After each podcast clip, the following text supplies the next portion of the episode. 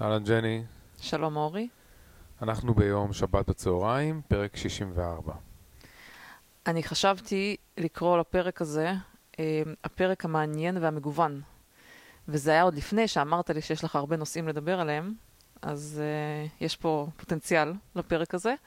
חוץ מזה, השמות הנוספים שהתלבטתי לגבי, לגביהם, ואולי יהיו כאלה פרקים עתידיים, אה, אחד נקרא טרומן שואו, אנחנו קצת נדבר על זה. אחד נקרא LGB, מה זה LGB? Let's go ברנדון. כן. היה לנו שבוע שעבר. לא, על זה. דיברנו על זה וזה לא היה שם פרק, אבל אפשר למלא פרק שלם על, על בסיס הנושא הזה, ה-theme הזה של Let's go Brian, שהפך לסוג של... ברנדון. ברנדון, שהפך לסוג של מטבע לשוני. אה, ואיך תרבותית זה נתפס בארצות הברית, זה מעניין לדבר על זה. ועוד נושא אחד שגם הייתי רוצה להתעמק בו זה hate נקודה אינק, hate. כאילו, כל התעשייה שהתפתחה סביב אה, hating each other, אבל זה נראה לי לפרקים הבאים, ויש לנו גם את הפרק של הכל מטומטם. אבל היום נלך על הפרק המעניין והמגוון. טוב, נעשה כזה, אתה יודע, אה, ציפיות, איך זה נקרא? יש לזה... תיאום ציפיות. לא, כשאתה, לא תיאום ציפיות, כשאתה כאילו עושה expectations גבוהים, ואז זה גורם לך לנסות להתאמץ לעמוד בהם. יש כזה קונספט. פסיכולוגי, אפקט פיגמליון, בדיוק, זה כזה קונספט פסיכולוגי שגם עליו נדבר בהמשך. אמ, אז קצת, יש לנו בהתחלה, מותר לנו כמה דברים כאלה קטנים, פה סמולטוק, רציתי דווקא לתת לך ביקורת. כן.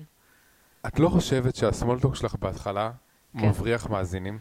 אה, יש סיכוי. שבאו לשמוע על דברים מעניינים ומבזבזים את הזמן של ה... מבזבזים להם את הזמן של כמה דקות הראשונות. יש סיכוי.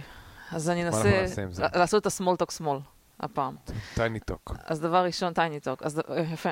אז דבר ראשון, אה, כשעכשיו התחלת השבוע עבודה חדשה, ואורי כבר מפוחד, הולך לחתוך אותי, והיית צריך למלא טופס של, אה, כאילו, לגבי עצמך, כש- כשאתה, לא יודעת, אה, מי אתה ומה אתה.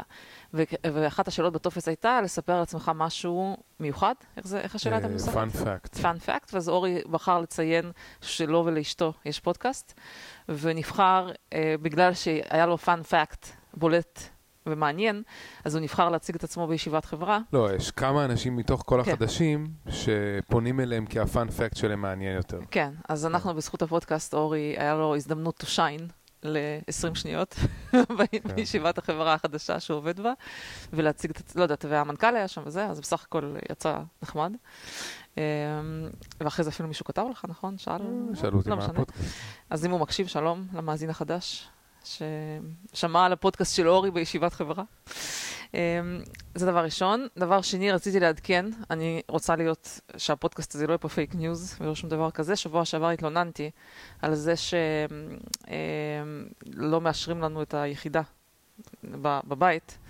ומישהו הקשיב לזה, יכול להיות, שה... יכול להיות שמישהו שלח את זה לעיריית סניבל, ובמאנדיי, זה מעניין? לא, אני אגיד לך, יותר זה מעניין. אוקיי. אז אורי, תראה, אני יודעת שאתה לא, דעתך עליי לא, לא גבוהה, אבל אין משהו שאני אומרת שאין לו סיבה, אוקיי? אז...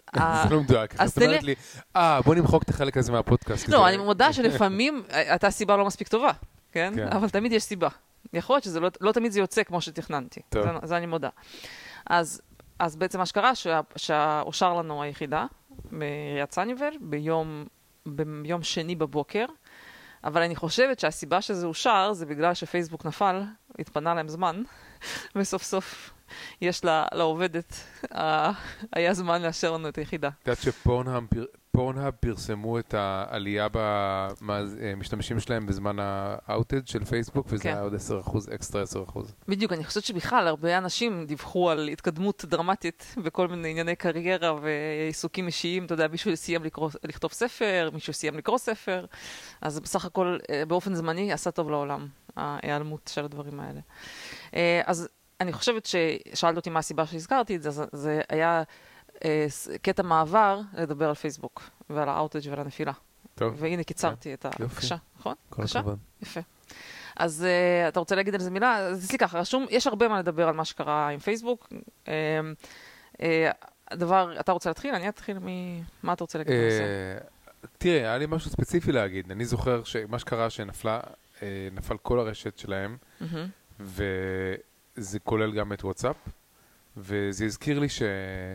כמה שנים... נגיד, הקשר קצת מקצועי, בוא נקרא לזה. קודם לא. כל נתחיל מההקשר, כאילו לא מקצועי, אבל אוקיי. לא, לפני כמה שנים, אה, שנתיים או משהו כזה, אני. זוכר שהיה מאמץ מאוד מאוד גדול בפייסבוק לאחד את כל הרשתות של המסג'ינג, כן? זאת אומרת, לאחד שוואטסאפ ירוץ על אותה תשתית, של כולם. וכאילו זה נראה מצד אחד הגיוני, מצד אחד אתה חושב שזה לא הגיוני שמשהו קריטי כמו וואטסאפ יהיה תלוי בעוד דברים אחרים שהם פחות קריטיים. וואטסאפ זה קריטי להרבה מאוד אנשים והרבה מאוד עסקים, הרבה יותר משאר האפליקציות של פייסבוק, כמו אינסטגרם ומסנג'ר וכאלה דברים, כי יש עסקים שעובדים על זה. אה, ובכלל, אנשים ממש בונים על זה לקיום החיים שלהם, על וואטסאפ. ואחת הסיבות שאני זוכר שהעיקריות שהם רצו לעשות את האיחוד של ה messaging הזה, זה היה בגלל שהם, נדמה להם שאנשים אוהבים end-to-end encryption. זאת אומרת, מרק זקרברג אומר, אנחנו רוצים להיות טובים, אנחנו רוצים לעשות אה, privacy, אנשים רוצים end-to-end encryption, הצפנה, ולכן אנחנו נעשה את כל ה-unification הזה, ואז נוכל אה, אה, לעשות, להשתמש ב-end-to-end encryption שיש לנו כבר בשביל וואטסאפ, שגם יהיה במסנג'ר, וכאילו כל הרעיון הזה, אני לא חושב שהוא הבין נכון את, ה, את הלחץ, את הדרישה של אנשים לפרייבסי. זאת אומרת, כל הדרישות לפרייבסי הם היו יותר בסגנון של תפסיקו להתערב לנו ולחטט לנו בחיים. זה מרגיש לי יותר כהחלטת כזאת corporate decision, של כל מיני סידורים פנימיים, לסדר אה, איכשהו את הכוח אדם וכל מיני תפקידים והכל, מאשר החלטה שהיא החלטה של competency ושל מקצועיות. אה, אני כן רוצה להגיד לך אבל נקודה אחת לגבי איך שזה משפיע על הכלכלה, ושמתי לב שלא מספיק אנשים דיברו על זה. אה, אנשים דבר ראשון חושבים, טוב, אני באינסטגרם, אני בפייסבוק, אז אני לא, אין לי את זה לחצי יום או יום, אז זה לא כזה נורא, כן? אבל כן צריך להגיד שהכלכלה העולמית, או לפחות הכלכלה של ארצות הברית, מאוד מושפעת מהכלים האלה, ויש כל ה e-commerce, המון המון brands, כל, ה, כל ה business שלהם בנוי לפרסומות. מאיפה פייסבוק מרוויחה את ה billion ים שלה? חצי יום זה אומר שבערך כן. איזה 3% מההכנסות החודשיות של כן. הרבה עסקים, כאילו... זאת אומרת, אומנם גם חסכו, על. כן. אומנם הם חסכו הרבה על פרסומות, אבל מי שקצת מכיר איך פרסום בפייסבוק עובד, שזה אחד מהצ'אנלס הכי יעילים שיש היום, אה, שקיימים היום אולי, אז הוא יודע שבלי זה יש חברות שפשוט כאילו אין להם לקוחות, או חלק גדול מהצ'א- מהפאנל שלהם, של איך הם מביאים לקוחות לתוך הביזנס שלהם, בנוי נטו על פרסומות פייסבוק. אני למשל, כאילו, אני חושבת שאני לקוח זהב שם בפייסבוק. כאילו, כל שטויות שאני קונה, במיוחד בגדים, הכל דרך פרסומות פייסבוק. ואני, ואני בטוחה שמלא שטויות אחרות שאנשים קונים, וכל מיני ביטוחים, לך יצא מלא פעמים לקנות לא דברים דרך פרסומות. לא הרבה פעמים. אבל זה ברור שלא סתם שפייסבוק שווה ביליאנס. הביליאנס האלה מתורגמים לכלכלה אמיתית. זה לא איזה קשקוש, כן? כן, אבל יש גם טענה שבחודש, חודשיים האחרונים נדפק להם קצת הביזנס, מזה שאפל למשל אה, נכון. לא מאפשרים להם להתאים פרופילים של אנשים מ- אה, ביחד נכון. עם כמה אפליקציות. נכון, אה, בגלל צד כל, מיני. חישוב, בגלל כל מיני חישובי privacy זה נפגע, אבל עדיין צריך להבין שפייסבוק למטה יומיים שלושה, זה ברמה שתתחיל לה- להוציא אזהרות לבורסה, שהחברה הולכ, הולכים להיפגע להכנסות. אבל שנייה, מה כן. שאני רוצה, הטענה שלי כזאת, מהמם. הטענה שלי שמרק זקרברג לדעתי, הוא נלחץ אז מהקיימברידג' אנליטיקה, מכל הביקורת על פייסבוק על נושא של privacy, החליט החלטת מנהל שהיא לדעתי לא מגובה בדאטה, לדעתי, אה, לעשות את האיחוד הזה. השקיעו המון המון המון עבודה בלאחד אותם מתוך איזושהי ציפייה שאולי בעתיד נשתמש באותן תשתיות של פרסומות. שום דבר מהדברים האלה לא קרה, חוץ מהעובדה שהם פשוט טכנית רצים על- יצרו, על לא, אותה יצרו תשתית. כאילו single point of כן. failure כזה, ודיברו על זה הרבה אגב בטוויטר, שזה, אתה יודע, Facebook made Twitter shine, and Facebook made Bitcoin shine. דיברו על זה הרבה שם. ה- הארכיטקטורה הזאת שהיא centralized עם single point of failure, בסוף יש, לה, יש בעיה איתה, כן? ולעומת זאת, למשל, תסתכל על פלטפורמות כמו הביטקוין, או פלטפורמות decentralized אחרות, שהרבה אנשים רואים בהם את העתיד, שזה כאילו הדור הבא של איך אנחנו הולכים לנהל כל דבר, מחברות ל communities להכל, הן בסוף. פלטפורמות יותר robust יות מאשר פלטפורמות שהן centralized. והנה הדוגמה של פייסבוק עם כל המלא עובדים האיכותיים שלהם, וכל הדברים, התהליכים שהם בנו שם, בסוף הביטקוין, מתי הוא נפל? טפו טפו טפו. אפילו שסין אסרה אותו, תסתכל, קיבלו כזה מכה ולא לא, כאילו בגדול לא קרה שום דבר לרשתות שהן decentralized. זה מדהים עד כמה הרשתות שהן decentralized הן יותר robust. עדיין ו- עם ג'ני, אם הייתי צריך לשמור את המסמכים שלי באיזה מקום, כנראה שהייתי שומר אותם בגוגל אה, לדעתי זה דרייב, לא רציונלי. ולא בביטקוין. לדעתי אבל, זה אה, לא רציונלי, זה פסיכולוגי. אני לא בטוחה בכלל. לא בטוחה. כאילו, אני מסכימה איתך שכשרק הביטקוין קצת יצא, או שכל רשת שהיא decentralized שרק יצאה, זה הגיוני מה שאתה אומר, אבל עכשיו שזה צבר כבר אה, הרבה קילומטרז של שנים, אני לא בטוחה שאתה צודק. זה טוב. מעניין, בסדר, זו מחשבה מעניינת. אבל כמובן, כל הסיפור המרכזי על פייסבוק זה באמת מה הנרטיב שהתפתח סביב זה, וכמובן הנרטיב שהתפתח בתקשורת למה שבפועל, לדעתי הנרטיב הנכון, זה שני דברים מאוד שונים. אז הנרטיב שהתפתח בתקשורת, שיש איזה whistleblower שיצא, אה, שהיא לא, החליטה לעשות מעשה עכשיו אמיץ. עברנו לנושא של ה whistleblower. כן, כן, אז, אז אז, הנ- אז הנרטיב בתקשורת, שקודם בצורה די אגרסיבית, שמישהי אמיצה ביותר החליטה אה, ללכת ולספר את האמת על מה שפייסבוק עושים אה, בכל הנושא הזה של פגיעה בנוער, ובכל הפצת פייק ניוז, ש, שגרמה לזה שבעצם, אה, לא יודעת, לכל השישי נראה בינואר. לי שעל זה שהם כאלה. לא עושים מספיק בשביל למנוע הפצה של דעות מסוכנות, כן. כאשר הם בעצם מרוויחים מזה שהם לא עושים מדעות, מספיק. כן, כשהם כאילו מקדמים כל מיני communities וכל מיני דברים כאלה, שה engagement בהם קשור לזה שיש שם כל מיני fake news, כן. וזה בעצם המקור אגב, ההכנסה שלהם. דעות מסוכנות, בדיוק. זה סימן כן. לחשיבה לא נכונה. כן. ל wrong think. ברור. עכשיו, זה כאילו הנרטיב שהתקשורת קידמה באגרסיביות, ויש לי תחושה שהרבה מאוד אנשים קנו אותו, בסדר? כשבעצם בפועל, מה, ש... מה שכאילו הנרטיב שראיתי בטוויטר, בסדר, אני גם, ברור שכל אחד יש לו את הצורה שהוא, כאילו שהוא תפס את מה שקרה שם. הטוויטר, מה שטוויטר אמרו, אוקיי, התקשורת, שהיא לא, לא אוהבת את התחרות שבאה מכיוון של הסושיאל מדיה, כי לא, כי הסושיאל מדיה לא מאפשרת לתקשורת לשלוט בנרטיב. כאילו התקשורת נגיד באה לה לדחוף איזשהו מסר שהשישי בינואר זה היה ההתקפה הכי גדולה לדמוקרטיה מאז הברית הוקמה. והסושיאל נטוורק באים, הם מראים כל מיני הוכחות וכל מיני סיפורים שזה לא נכון, לצורך העניין, סתם כדוגמה.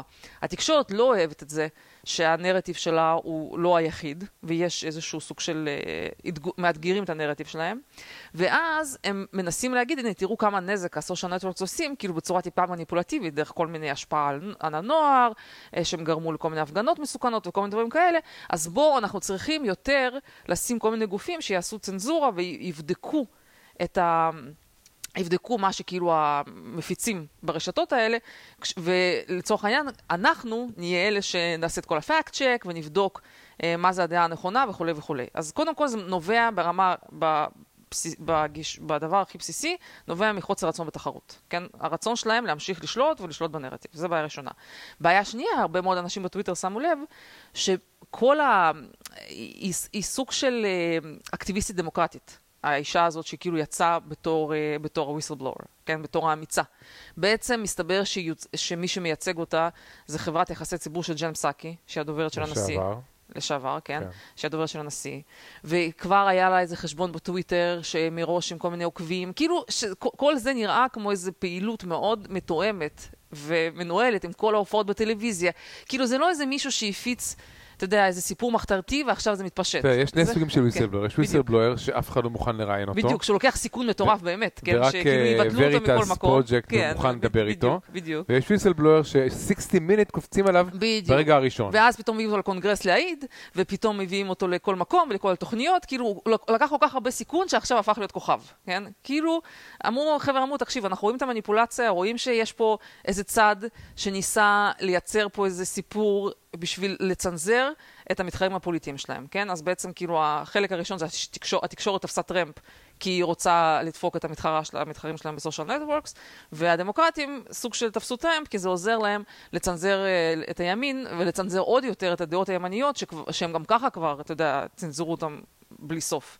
אז. כן. עוד יותר להראות כמה זה חשוב לצנזר ולא לאפשר לדעות המסוכנות האלה להתפשט בסושיאל נטוורקס, כן? אז בגדול כל הסיפור הזה, צריך להגיד בשורה התחתונה, היה סוג של מניפולציה, אוקיי?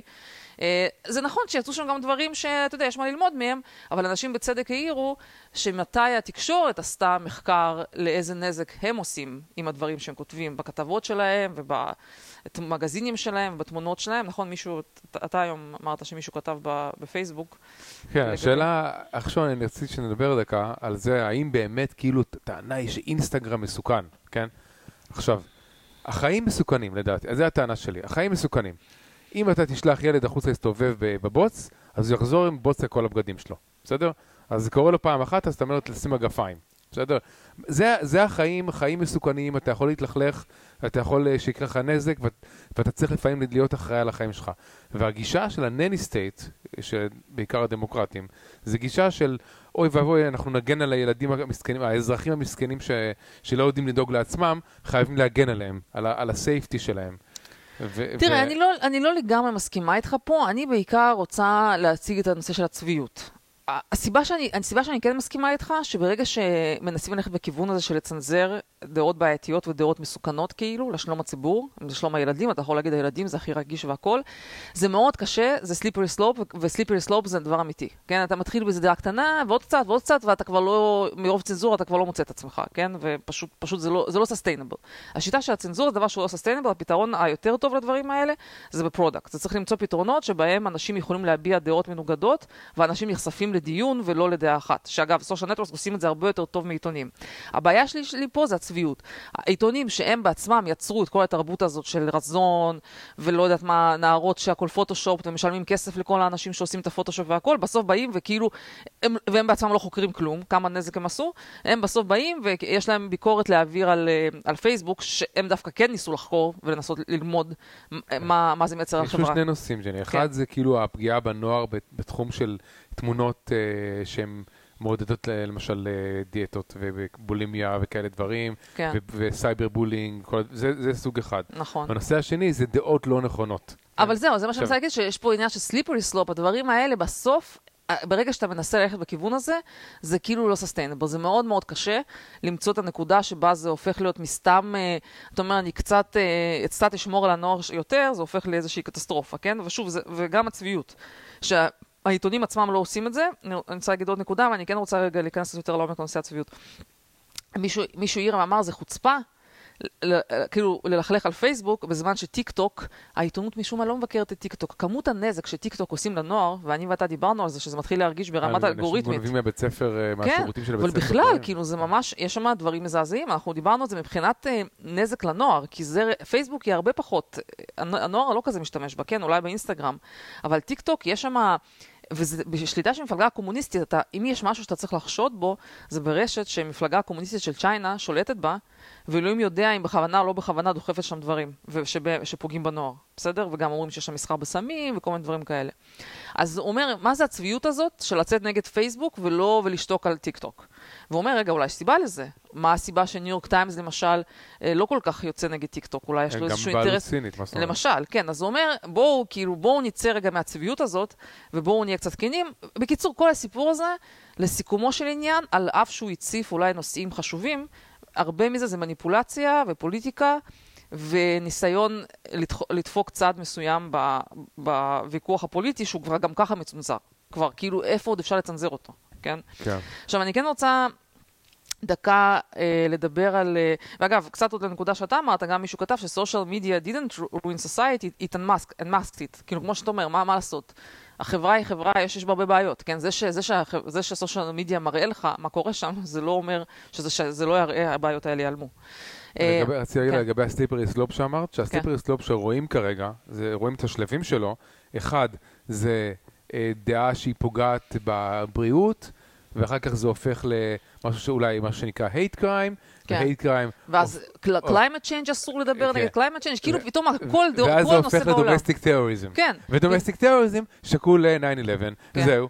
פתאום, כאילו, פתאום בכל מה הנושאים... שרצינו אסור- להוכיח. לא, וגם כמות ה... כאילו, ממצב של לשמור על הנוער, פתאום זה נהיה גם בפוליטיקה, פתאום זה ב climate change, פתאום זה בחיסונים.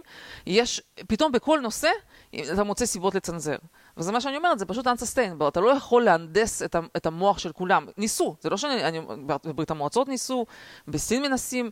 בינתיים לא ראיתי איפה שזה עבד, זה עשה בעיקר נזק ולא תועלת, ובסוף אנשים ניצלו את זה לדברים לא טובים.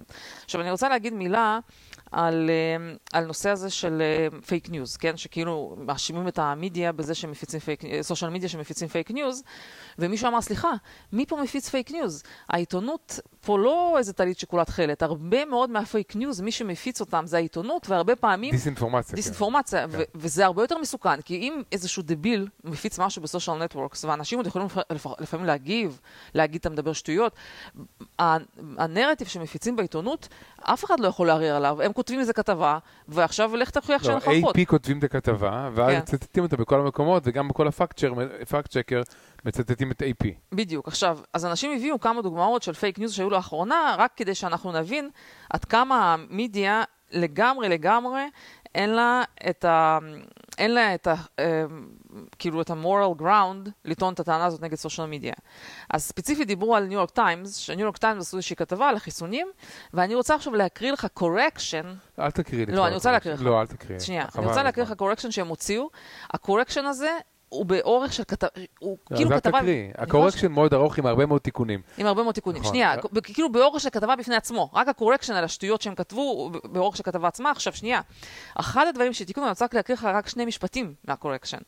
This article also misstated, כאילו בנוסף, זה אחרי שהם כבר תיקנו את הבעיה אחת, The number of COVID hospitalizations in US children. It is more than של- 63,000 from August 2020 to October 2021, and not 900,000 since the beginning of the pandemic. כלומר, מישהו שהוא כתב לענייני בריאות, עשה כתבה, זוכה פרסים. זוכה פרסים, כן? ובתחום הבריאות שזה סייאנס, בעצם כן. כתב לענייני סייאנס ומדע, ומדעים. עשה כתבה שבה הוא טען שבארצות הברית אושפזו 900 אלף ילדים מאז תחילת הפנדמיק עם, הקור... עם, קורונה, עם הקורונה. וכחלק אחרי זה מעוד תיק... שטויות שהוא דיבר, אחרי זה נאלץ לתקן את זה. ואנשים, ואנשים אומרים, כאילו, איך יכול להיות, איך אתה עושה טעות כזאת? זה מספר, איך מישהו שמבין משהו בסייאנס ובקורונה, חוש... כותב כזאת שטות לא, אבל אם וזה לא... עשית שלוש או ארבע טעויות מס- כמותיות בדיווח, אז זה כבר לא יכול להיות לא, טעות. זה לא יכול כן, להיות אני גם אומרת טעות. לך, זה לא זה 63 לא טעות, זה דיסאינפורמציה. זה לא 63,000 ו-69,000, שאני יכולה להגיד, אתה אולי בדקת מקור לא נכון והתבלבלת, אבל צריך להיות לך איזושהי הערכה לגבי מצב המחלה. לא יכול להיות שאתה טועה בפי 10, או זה- מה זה פי 10? פי 20, אני לא יודעת, זה משהו שזה באמת לא סביר. זה, זה, אני לא מבינה איך מישהו כזה לא מפוטר, ברצינות. ולא האדיטור, מישהו לא... אם נגיד אני עכשיו אכתוב, סתם דוגמה, אה, בארצות הברית אה, אה, גרים אה, 1 ביליון people. כן? זה, זה פשוט לא מתאים, אתה לא מתאים לתפקיד. זה, התפקיד שלך זה לא להפיץ כאלה שטויות. וזה גם לא יכול להיות טעות. הם, ודרך אגב, אחרי זה מופתעים למה אנשים מסתכלים על הקורונה בצורה כאילו לא פרופורציונלית למה, ש, למה שהיא באמת. בסדר? כי בדיוק מפיצים כאלה מספרים, וזה הניו יורק טיימס. עכשיו, מישהו כותב, זה גם מעניין, אה, אנחנו נדבר על זה גם קצת בהמשך, The New York Times used to have a science reporter who didn't make these mistakes. Wonder what happened to him. באופן מעניין, העיתון הזה פיטר science reporter שכן היה טוב, ולא עשה טעויות, והוא פיטר את זה מכל מיני סיבות כאלה של equity וכל מיני... היה שם איזושהי הסתבכות לפני, לפני איזה שנה או משהו כזה, אפילו פחות. אז הם גם פיטרו עיתונאים איכותיים, ושמו אנשים שמפיצים disinformation. זה ממש כאילו קלאסיקה ואיך סובייטית. לכולם פרסים. ואיך לכולם פרסים. אז זה דבר ראשון, ודוגמה שנייה של דיסאינפורמציה ש- שהם הפיצו, ואגב, כל העיתונים, וושינגטון פוסט, AP והכל, אני לא זוכרת אם מישהו זוכר מקרה, שבו אה, היה בחור שירה, אה, ששוטר ירה עליו, לא, לא מדברת על... שבע יריות בגב, ג'ייקוב בלייק. כן, ובעצם היה סיפור גדול, וכשהסיפור דלה, יצא לעיתונות, בעצם צד אחד טען שהבן אדם הזה הוא היה חמוש, ואשתו, בגלל שהייתה אלימות במשפחה, הזמינה את המשטרה, המשטרה בגדול, והוא היה לו סכין, והמשטרה בגדול הצילה גם את אשתו וגם את כל האנשים שהיו שם. בסדר, ירו עליו כי לא הייתה ברירה, כי הוא היה כאילו חמוש בסכין. את לא יכולה להתווכח על מה שקרה בדיוק באותו רגע, אבל לא. חשוב. כן. הנקודה היא האם הוא היה armed או לא היה armed. כן, אבל אוקיי. עכשיו בכל העיתונים דאגו להפיץ את זה בתור אמור, ירו Unarmed. ב-unarmed man, כן. והפיצו את זה, וכאילו, וזה כמובן יצר סיפור, וקמאלה האריס הלכה לבקר מישהו שעשה אלימות במשפחה, הלכה לבקר אותו בבית חולים, איזה מסכן, שירו עליו, וכאילו, בגדול שבסוף מישהו שהסתבר כפושע, ועכשיו הם הוציאו תיקון שהוא באמת הוא היה armed, וכאילו הצדיקו את ה... לא ש... מה זה הצדיקו? אמרו שהשוטר עשה פעל לפי נהלים. לא, עכשיו גם הוושינגטון פוסט בעצמו מודה שזה היה אה, שקר שהוא לא היה דיסאינפורמציה, armed. כן. אז אני אומרת, עכשיו תקשיב, דברים כאלה, כשאתה מפיץ דיסאינפורמציה כזאת, זה יכול לגרום לשינוי של מהלך ההיסטוריה, כן? העיתונים, יש להם הרבה יותר אה, אחריות באיך שהם מתנהלים, אז הם האחרונים שיש להם זכות להעביר ביקורת על... אה, על סושיאל מדיה, יש עכשיו הרבה צחוקים שלכל העיתונים האלה המציאו כל מיני שמות מצחיקים כאלה, למשל Associated, Press, Press AP, שזה כאילו נחשב המקום הכי מכובד לחדשות, אז השמות שעשו להם זה או Activist Press או American Pravda, שזה לדעתי יפה, IP. Uh, אתה יודע, ל-CNN אתה מכיר שזה קומיוניסט, uh, China News, לא, ניוז Network? נטוורק, כל מיני כאלה, כן, יש, יש לכולם את השמות שלהם, אבל באמת שהם לא, אה, הם באמת אה, לא, אין, לא, לא במקומם אה, להעביר ביקורת. אגב, סקוט אדמס דיבר היום, היום על CNN שהם דיווחו על זה שיש כאילו איזשהו אה, מכת, מכת קור באנטארקטיקה או משהו כזה, שזה בעצם מוריד, דווקא מוריד את הטמפרטורות בניגוד לעלייה שצפו בשינוי האקלים, והוא טוען שהפעם CNN טורחו ממש להסביר בצורה ברורה שיש הבדל בין weather ו-climate, ושלא בטעות לחשוב שהדבר הזה אומר שה... שאין climate change. זאת אומרת, אבל בכל המקרים האחרים, כשהיו דברים אנקדוטליים כמו הוריקנים, טורנדוס, שרפות וכאלה דברים, הם לא טרחו לציין את העובדה ששימו לב, הקונטקסט שיש בו weather ו climate. כן, ברור שזה הכל... אם קרה, אם קרה הוריקן, אז זה בגלל ה climate change, אבל אם קרה אה, מכת קור באנטארקטיקה, אז זה לא קשור ל climate change. כן. זה... זה, אקט... זה כן. לצערי עיתונות הפכה לאקטיביזם, אני רק אקריא כמה טוויטים לסיכום של, באמת אפילו עוד לא לסיכום, יש עוד איזה נקודה אחת מעניינת להגיד. For anyone who actually uses social network, the idea that Facebook is addictive is laughable. My own usage has fallen off to near zero. אגב, שלי, אני גם בקושי משתמשת. A much stronger case could be made against Twitter או TikTok, but those targets aren't as politically attractive. כן, בגלל שהמקומות האלה, זה, הפייסבוק ספציפית מחפשים כי זה כאילו רשת שיחסית יש בה הרבה פוליטיקה של הימין. וזה המקום היחיד שהנרטיב, שיש יחסית ערעור על הנרטיב, ו... זה קשור גם, נכנסים. ננסה את מרק זקרברג שהוא מתנצל בכל דבר. כל דבר הוא מבקש סליחה. אה, ועוד משהו שמעניין שהוא אמר, זה אותו בן אדם, זה, איך קוראים לו? דיוויד סאקס. אה, כמובן הכי יר- ירדו על זאתי שהיא, עשת- כאילו ה whistleblower בסוף גם הציעה פתרון. הפתרון שלה היה לעשות oversight body, שכאילו בעצם יבדוק את העבודה של פייסבוק. אז הוא אומר, Did anyone else notice that the Facebook whistleblower basically proposed that she should be installed as Zuckerberg's boss? Got to admire the חוצפה, כן? כאילו בגדול היא, היא, היא כאילו גם אה, עשתה נזק לחברה, וגם עכשיו מציעה שישימו אותה לנהל איזה board היא אמרה, שבודק. כן, היא אמרה שצריך איזשהו oversight עם אנשים כמוה, בדיוק. שמבינים בדיוק. בתחום. טוב, בקיצור, אה, עם כל ה... מה שאמרנו דברים טובים לכיוון פייסבוק, אני עדיין חושב. שהצנזורה שהם עושים ועשו, זה פשע נגד האנושות, אני מצטער שאני אומר את זה עוד פעם, אבל אה, לא, אני חושב שהם עשו הרבה מאוד, הרבה מאוד נזק, וכאילו הביקורת שלהם כרגע זה שהם לא עשו מספיק צנזורה מבחינת הוויסלבלואר, אבל אני אומר שהצנזורה כבר מהווה, שהם כן עשו כבר מהווה פשע נגד האנושות. כן, אתה לא אחד שאפשר לחשוד בו שאתה אוהב את פייסבוק, זה ברור. כן, זה שלאף אחד לא יהיה ספק. אני מאוד אוהב את פייסבוק כמוצר, אבל גם אני... זה לא. אבל אה, אני אומרת כן. שדווקא אתה אומר, אתה מגן עליהם מלא ממקום של אה, אהדה כלפיהם. אתה כן, מבחינתך כאילו סוג של לא קרמה, מה שקרה לזה. כן. אבל הש- להאשים אותם בכל הצרות של האנושות, זה, כן. זה לא בסדר. לא, אבל זה גם צביעות, כן, כן. בנ- בנוסף לכל. עכשיו, אני רוצה כן להגיד עוד נקודה שהיא לדעתי מעניינת, שעולה מפה, שהיא, לא, שהיא קצת קשורה וקצת לא קשורה. שאלה שאני אני שאלתי אותך, האם יש פה בעיה של קומפיטנסי? האם זה שחברה עם עובדים כאלה איכותיים, ועם תהליכים, והם יודעים מה הם עושים והכל, בס- והם, זה איכותיים? זה עובדים שמרוויחים המון כסף, כן? זה כאילו זה. בסוף הגיע למצב שכל הרשת שלה קרסה ככה לחצי יום, העובדים ינהלו בחוץ, לא יכלו להיכנס, וכל מיני סיפורים כאלה. זאת אומרת, האם זה משהו שאמור לקרות בחברה איכותית? ואנשים שאלו, אם בחברה כזאת זה קורה, איך אפשר בכלל לסמוך על מה קורה בחברות אחרות שאין להן את המשאבים ואת, ואת האיכות הזאת?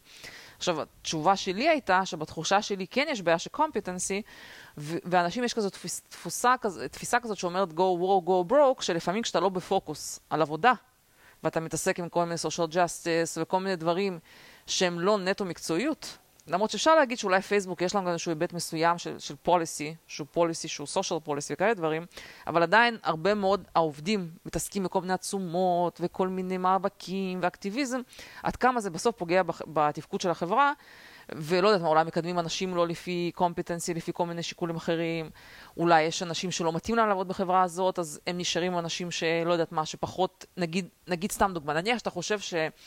משהו בתהליך של בפייסבוק לא בריא מבחינה מקצועית. אבל אנשים מפחדים לד... להגיד, להתלונן על זה. כי הם מפחדים שהם יסתבכו או לא יודעת מה, כן? כי התפיסה היא כזאת שאתה צריך להיות, אה, להיות בכל מיני נורמות כאלה שמנהלים שם. אני אתן לך את הטייק שלי, כן. אוקיי? הטייק שלי זה קודם כל בגלל שמדובר באירוע חד פעמי לכאורה, איזשהו יכול להיות תקלה, יכול... יש טעויות, דברים קורים, אי אפשר לדעת בוודאות מה, כאילו מה היה מונע את זה, אבל ה... יש בפייסבוק שתי בעיות אה, בדיזיין של הסיסטם, ש... ש... כחברה, כ-engineering organization. אחד מהם זה שיש מה שנקרא, אה, הפונקציה היא פונקציה נגיד של אימפקט. בתור engineer אתה צריך להראות אימפקט, וקשה מאוד לה- להוכיח לפעמים איך שהם עשית תהליכים שמנעו אסון, אוקיי? מנעו איזו קטסטרופה כזאתי, בתור אימפקט. אז בעצם אנשים, המהנדסים הם לא, לא מספיק אינסנטיבייז למנוע אסונות, אוקיי? זה דבר אחד. אה, דבר שני, זה שה-turnaround, כאילו הזמן שלו, כשאנשים מחליפים צוותים, או מגיעים, עוזבים, מתחלפים, והטכנולוגיות משתנות, ואנשים, אה, כאילו ה-churn הוא יחסית גדול, כי החברה, בתור, הסיסטם בחברה מאפשר למהנדסים כאילו גם לעבור בתוך החברה כמה שהם רוצים. לא, אבל ו... זה לא בהכרח קשור לנושא הזה של אקטיביזם ודברים שהם כאילו לא רלוונטיים לעבודה. השאלה היא כמה זה שיש עיסוק שהוא לא, לא רק מקצועי, ויש כאילו פוליטיקה בתוך לא, העבודה. זה, זה, זה התזה שלך, אני חושב שזה, שהסיבה שזה נפל זה לא סיבות, כאילו הסיבה של ה outage הזה, כן? זה לא סיבה פוליטית. לא, ברור שלא פוליטית. זה סיבה שהחברה היא קצת איבדה קשר מ... לעשות את הדברים הנכונים כחברה, כארגון שעושה engineering. לא, אז אני שואלת, האם הם עמדו פוקוס, ונגיד יש להם יותר מדי מיקוד על נושאים של כל מיני דברים שהם לא נטו פוקוס על לעשות מוצרים טובים? שוב, כן. אם הפוקוס שלך לא על מקצועיות נטו, של המקצוע שאתה עוסק בו, השאלה אם בסוף זה מייצר צוותים שהם, לא יודעת, שזה, אני לא יודעת, כאילו זה פשוט משהו ש... wait and see. יש היום תפיסה אצל חלק מהמנהלים, שברגע שאתה לא מתעסק בעבודה בעבודה, זה עושה נזק, ואחד המובילים בזה זה בריין ארמסטרונג, של מנכ"ל של קוינבייס, שלפני שנה, כשהיה בשיא הפוליטיזציה של מקומות עבודה, נכון? זוכר שפיטרו אנשים על זה שהם כתבו איזה משפט, או כל מיני, כאילו היה בשיא כל ה-Black Lives Matter וכל הדבר הזה, הוא החליט שהוא לגמרי חותך ואמר, מי שאנחנו, אסור לדבר על פוליטיקה בעבודה, אנחנו לא מתעסקים עם זה יותר, ומי שלא, אה, ומי שלא רוצה שיתפטר, כן? והיה כמובן המון ביקורת, ובמקרה, ממש השבוע הוא כתב פוסט סיכום בתום של שנה על ה, מההחלטה הזאת שלו, מה הוא חושב שבסוף זה עשה. אז הוא כותב, It's been about a year since my mission focused blog post. זאת אומרת, הם אמרו, הם החליטו שהם mission focused, לא, לא מתעסקים בשום דבר אחר. It wasn't easy to go through at the time, but looking back, it turned out to be one of the most positive changes I've made at Coinbase and I recommend it to others. אז הוא פשוט כאילו כתב thread ארוך, אני לא אכנס אליו עכשיו, הוא הסביר למה בסוף שאפילו הוא חשש שזה יפגע ב diversity, כאילו כל מיני פרמטרים שחשבו שזה יפגע בהם, בסוף זה לא נכון, אפילו השתפרנו בחלק, אבל הוא חושב שזה יצר סביבת עבודה הרבה יותר בריאה. והרבה יותר כאילו מקצועית בפוקוס על המישן של החברה ולא על כל מיני דברים שהם מסביב. כן, okay? אוקיי? בפייסבוק יש הרבה מאוד שאטר, כזה, הרבה מאוד רעש רשת כזה. שקשור לדברים פוליטיקה, ו... כן, זה מה שאני. כאילו, אנשים מרשים לעצמם להתעסק עם זה בזמן העבודה ועל כן, אבל השאלה גם זה מייצר מתחים לא נעימים בין העובדים, אני לא יודעת, אולי זה גורם לעובדים מסוג מסוים להחליט שהם לא רוצים שם להיות, להתפטר ולעזוב, כאילו, לא יודעת, זה, זה סתם מחשבה שעלתה לי, אז אם יש משהו שהייתי דואגת ממנו לגבי פייסבוק, אם כל הכיוון הזה בסוף לא יגרום לחברה הזאת... אה, כאילו להיות פחות מקצועית. בסדר, מה שיפיל אותה, לדעתי, זה הקטע אה, של התרבות ה engineering יותר מאשר uh, הפוליטיקה, לדעתי. יכול להיות. Um, טוב, um, אגב, רק סתם נזכר, טוב, לא חשוב, אני לא רוצה לבזבז את הזמן. Uh, מילה אחת, קצת דיברנו על התקשורת ועל זה שהם לא, לא במצב טוב. אה, אז באמת ממשיך, אה, הנושא, הרייטינג של ה-CNN ממשיך להיות ברצפה, ממש, כאילו, אני לא אקריא עכשיו את הטוויט, אבל הם מתחת למיליון צופים כבר חודשים, שזה נחשב ממש מעט. וזה מדהים אותי עד כמה הם כאילו חסרי אה, צופים בארצות הברית. ש... עכשיו, למה, למה, למה אנשים לא צופים בהם? כי אנשים פשוט איבדו בהם אמון, כן? או שמרגישים שזה פרופגנדה מדי. כאילו, אפילו, ה... עכשיו, היה להם תקופה כשהיה להם הרבה צופים מה... מהדמוקרטים, כי הם אהבו את הקטע שהם נכנסים בטראמפ. עכשיו, הם מרגישים, הם ממשיכים להיכנס כמה שהם יכולים, אבל כמה אתה יכול להמשיך להתעסק איתו אם הוא לא בשלטון, כן? אז גם את התוכן הזה, הבידורי הזה, הם לא מספקים, אז הם כאילו נשארים, נשארו קרחים מכל כיוון. ומה שאני תוהה, כמה, עד כמה הם ימשיכו להשפיע בחו"ל. זאת אומרת, ההשפעה היחידה שנשארה להם זה העודף אה, חשיבות שנותנים להם בחו"ל או נגיד בארץ. כשאני שוב מסתכלת על החדשות בארץ, אני רואה נטו שמעתיקים מ-CNN, למרות שאף אחד לא רואה, לא צופה בהם פה. זה פשוט מדהים, השליטה שלהם בנרטיב אה, כלפי חוץ, יחסית לכמה שאנשים לא, לא סובלים אותם פה. בסדר? זה, זה עצוב, כאילו, שזה מה שמדווחים בארץ, שאין שום קשר. יש להם מותג מאוד חזק, וקשה מאוד ל... ש... מה זאת אומרת? אבל אם אתה, אם, אתה חדשות, אם אתה חדשות בארץ, אני מבינה שאנשים שלא מכירים את זה, אז הם פותחים CNN וזה, אבל אם נגיד אתה כתב בארץ, הרי אתה יודע לא, ש-CNN לא משקפים את מה שקורה בארצות הברית. זה רשת שהיא לא, היא רשת שהיא לגמרי פרופגנדה של זרוע מסוים של השלטון. למה אתה ממשיך לקחת מהם חדשות? כאילו, לא, לא מעניין אותך לדווח מה קורה בארצות הברית באמת, ולא מאיזה זווית ראייה שאף אחד לא... הם לא רואים את זה ככה. אני אגיד לך מה הבעיה. בשנות ה-90, כשהיה מלחמת המפרץ, אז כאילו ה-CNN נכנס לארצות... התודעה הציבורית בישראל. וזהו, זה, זה מה שנשאר לאנשים במוח על הדבר הזה. זהו, זה מה שהם זוכרים. CNN זה חדשות, זהו. טוב, אז זה מה שרציתי להגיד שממשיכים לרדת, וגם באופן מעניין, גם ה-SNL, שזה כל הקטע של הבדיחות והבידור, גם הם, כן, גם הם, היה להם את הרייטינג הכי נמוך, גם כן בתוכנית הפתיחה של העונה החדשה שלהם, שבאמת לא הייתה מצחיקה. זה פשוט כאילו יושב, זה פשוט איזשהו disaster, כאילו, לא יודעת איך להסביר את זה, פתטי, אולי מילה טובה לתאר את זה, פשוט לא מצחיק. וזה חוזר קצת לטענה הזאת שהתרבות האמריקאית הגיעה לאיזה נקודה שהם לא מצליחים לייצר תוכנית שהיא מצחיקה בגלל הבעיה הזאת של, של חופש הביטוי. בגלל שהם מפחדים, גם בגלל שכבר נדפק להם המוח והם, לא יודעת, רואים את המציאות בצורה עקומה, וגם בגלל שהם מפחדים להגיד דברים, בסוף אתה מגיע למצב שאתה לא מצליח לייצר תוכנית שהיא מיינסטרים שהיא מצחיקה. ויש דברים מצחיקים אחרים, אבל זה ספציפית פשוט לא... יש שלוש סיבות. אחד, זה שהם לא יכולים לצחוק על המפלגה הדמוקרטית, כי זה חלק מהמהות שלהם. הם דווקא צחקו, דווקא בפרק הזה הם כן. צחקו, אבל זה היה פשוט פתטי עצמו מה שהם עשו שם. שתיים, שהם לא יכולים לצחוק על דברים שבעבר היה מותר לצחוק עליהם, והיום אסור. ושלוש, שהם באמת נמצאים בבועה אליטיסטית, שהיא לא, לא מחוברת למציאות שרואים אותה, מי ש... חשוף לכמה סוגים של כלי תקשורת.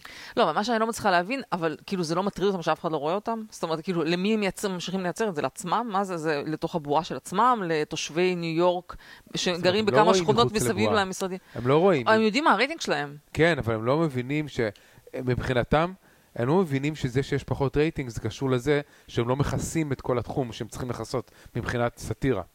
אני לא מבינים את זה. לא יודעת. עכשיו, בהקשר הזה, היום היה המון דיבורים על uh, תוכנית הבידור החדשה בנטפליקס של, איך קוראים לו? דייב שאפל. ואתה צפית בזה, אני לא מתחברת אליו כזה. התחלתי, זה לא מצחיק. כן, זה לא מצחיק, היה שם איזו בדיחה לא נעימה ליהודים, אתה רוצה לספר על זה או שזה לא כזה מעניין? בסדר, כן, זה האמת היא שגם זה לא, לא היה מוצלח. בקיצור, הגענו למצב שבגלל כנראה politically correct, לא, כאילו- דווקא הוא אי אפשר להאשים אותו ב politically correct. כן, הוא דווקא לא, נכון, אבל אפילו הוא כנראה כבר לא... לא, פשוט אה, לא הגיע, אני אגיד לך, הוא עשה חוזה עם נטפליקס לכמה הופעות.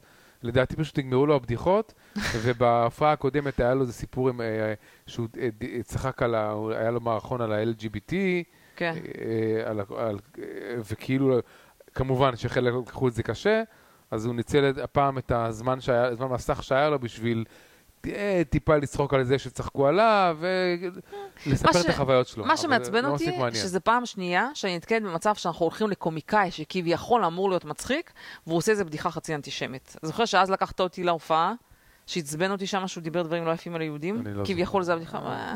בקיצור, מעצבן אותי שכאילו התחום היחידי שלא מחוץ לתחום בארצות הברית, זה לצחוק בצורה לא יפה על יהודים, כן? זה ממש מביא לי את הסעיף, אני מצטערת, כן? כמה שאני כאילו בסדר עם... אני הייתי בסדר שיצחקו על כולם, או שאל תצחקו על אף אחד. כן, אבל זה שנשאר כן. רק, על היהודים מותר לצחוק, זה מגעיל אותי, אני מצטערת. והרבה אנשים ציינו שזה הבדיחה שלו וכמה שהם בעד חופש הדיבור והכל, אמרו מה בסוף, מה שנשאר מותר לצחוק רק על היהודים, כאילו זה... אז הטענה של סקוט אדמס לגבי כן. זה שהוא, אה, דייב שאפל צוחק על, אה, על LGBT, אה, הוא אומר, אתם לא מבינים, זה שהוא צוחק עליכם, זה אומר שכבר אתם התקבלתם למעמד העליון. בגלל שדייב שאפל הוא לא עושה punching down, עושה תמיד punching up, כן?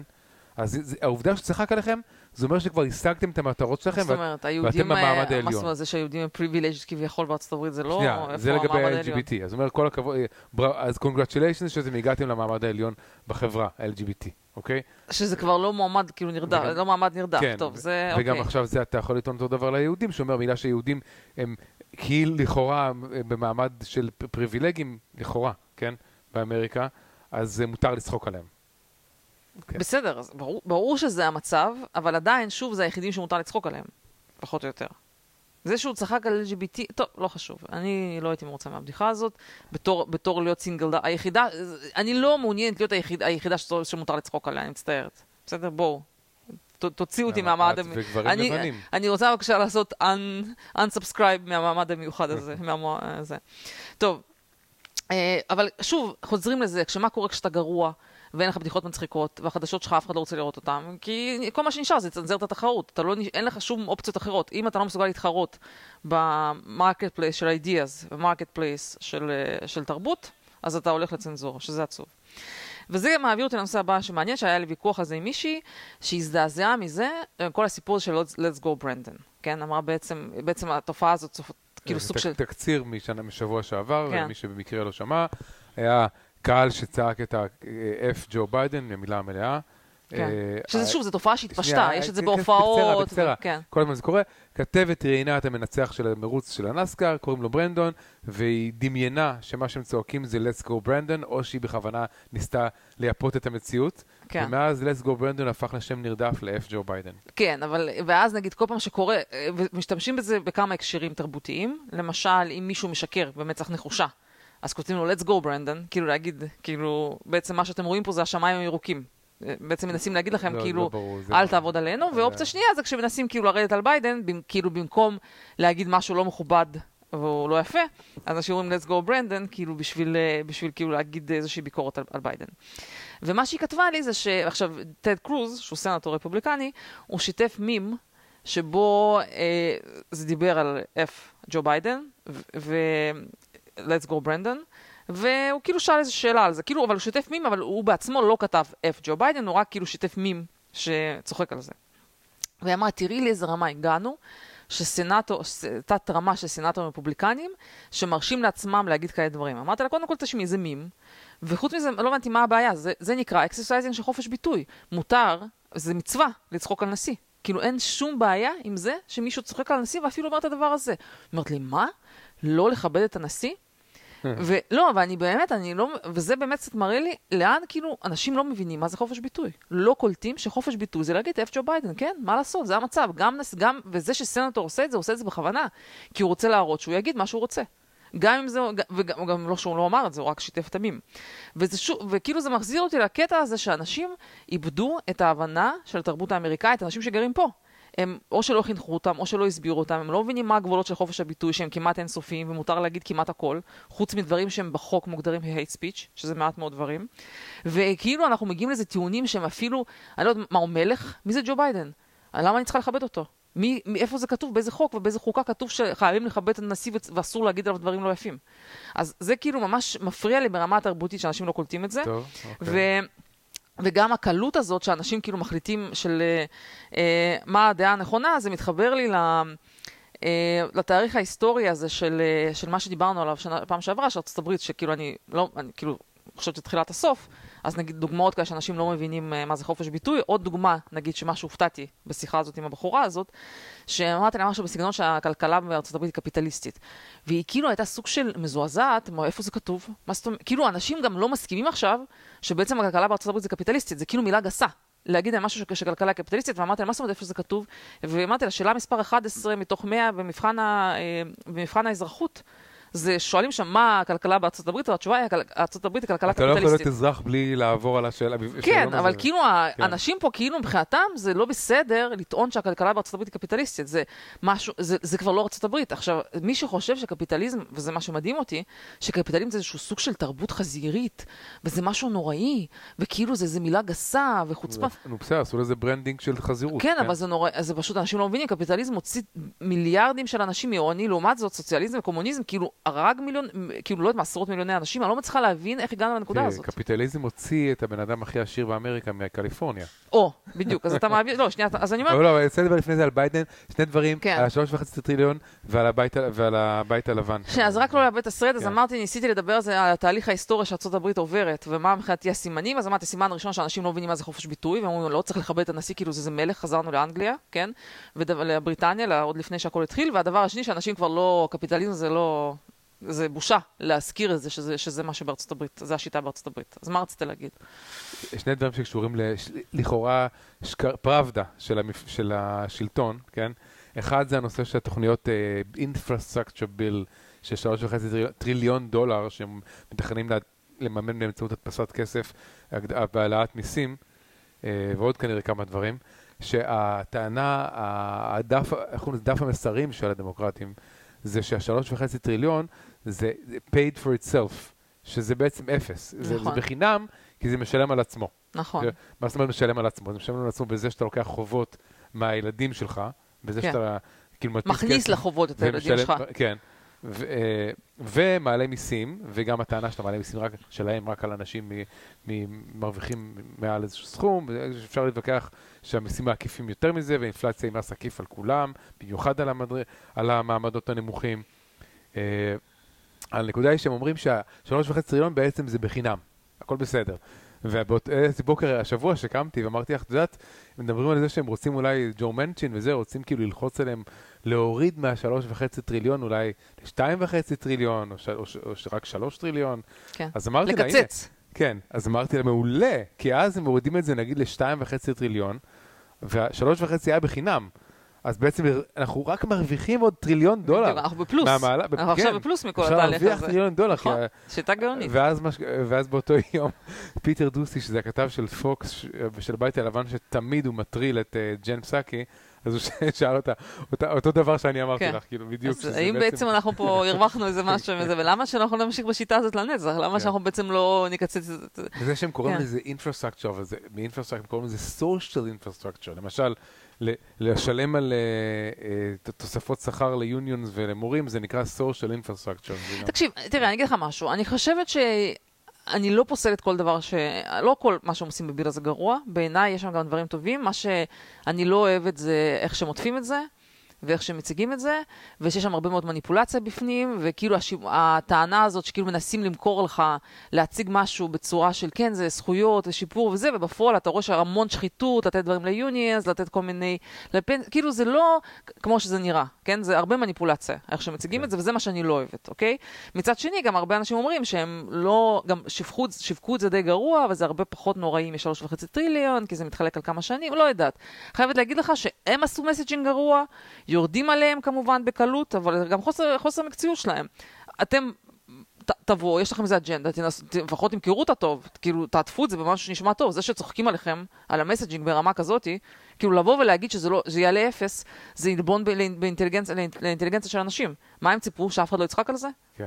אם יש לכם ב- ביל טוב, תמכרו, כאילו תשכנעו את האנשים שזה רעיון טוב.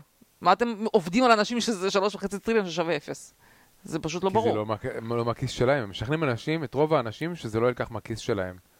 אז אנשים אה, תומכים בזה. לא יודעת. עכשיו, טוב, הדבר השני לגבי שקר- שקרי הפראבדה, זה האולפן חד- אולפן שבו ביידן מקריא חלק מהנאומים שלו, שמאחוריו יש חלון שנראה כאילו שזה החלון של ה-Oval Office. כן, שזה כאילו אה, בעצם סטודיו. והשבוע... שהוא לא ב- בבית הלבן באמת, כן. זה מחוץ, כאילו... כן, לא- והשבוע גילו באופן רשמי, עם, עם תמונות שיצאו וזה, שבהתחלה חשדו כי, ה, כי הנוף מהחלון שלו לא טעם את, ה, עונת אה, השנה. את העונה. היה שם פרחים, למרות שאנחנו עכשיו כאילו כן. כבר... אה, ואז גילו, אוקיי, בסדר, גילו שבעצם זה איזשהו סטודיו שנמצא כנראה ממול הבית הלבן, בבניין אחר, כן. ביידן מגיע לשם לתת את הזה, ואז אה, ניסו להעלות הש- השערות מה הסיבה ש...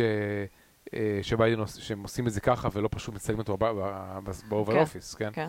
ואני, מכל התיאוריות ששמעו, אני חושב שהתיאוריה שהכי שכנעה אותי זה מה שטאקר קרלסון אמר, שזה שיש לו טלפרומפטר לביידן. ואתה רוצה שהוא כאילו יקריא מהטלפרומפטר, אבל הטלפרומפטר צריך להיות מספיק רחוק ממנו, ככה שכאילו אם, אם יש מצלמות של, של אה, עיתונות בחדר שמצלמות אותו, שכאילו הטלפרומפטר לא ייכנס לפריים איכשהו, כן?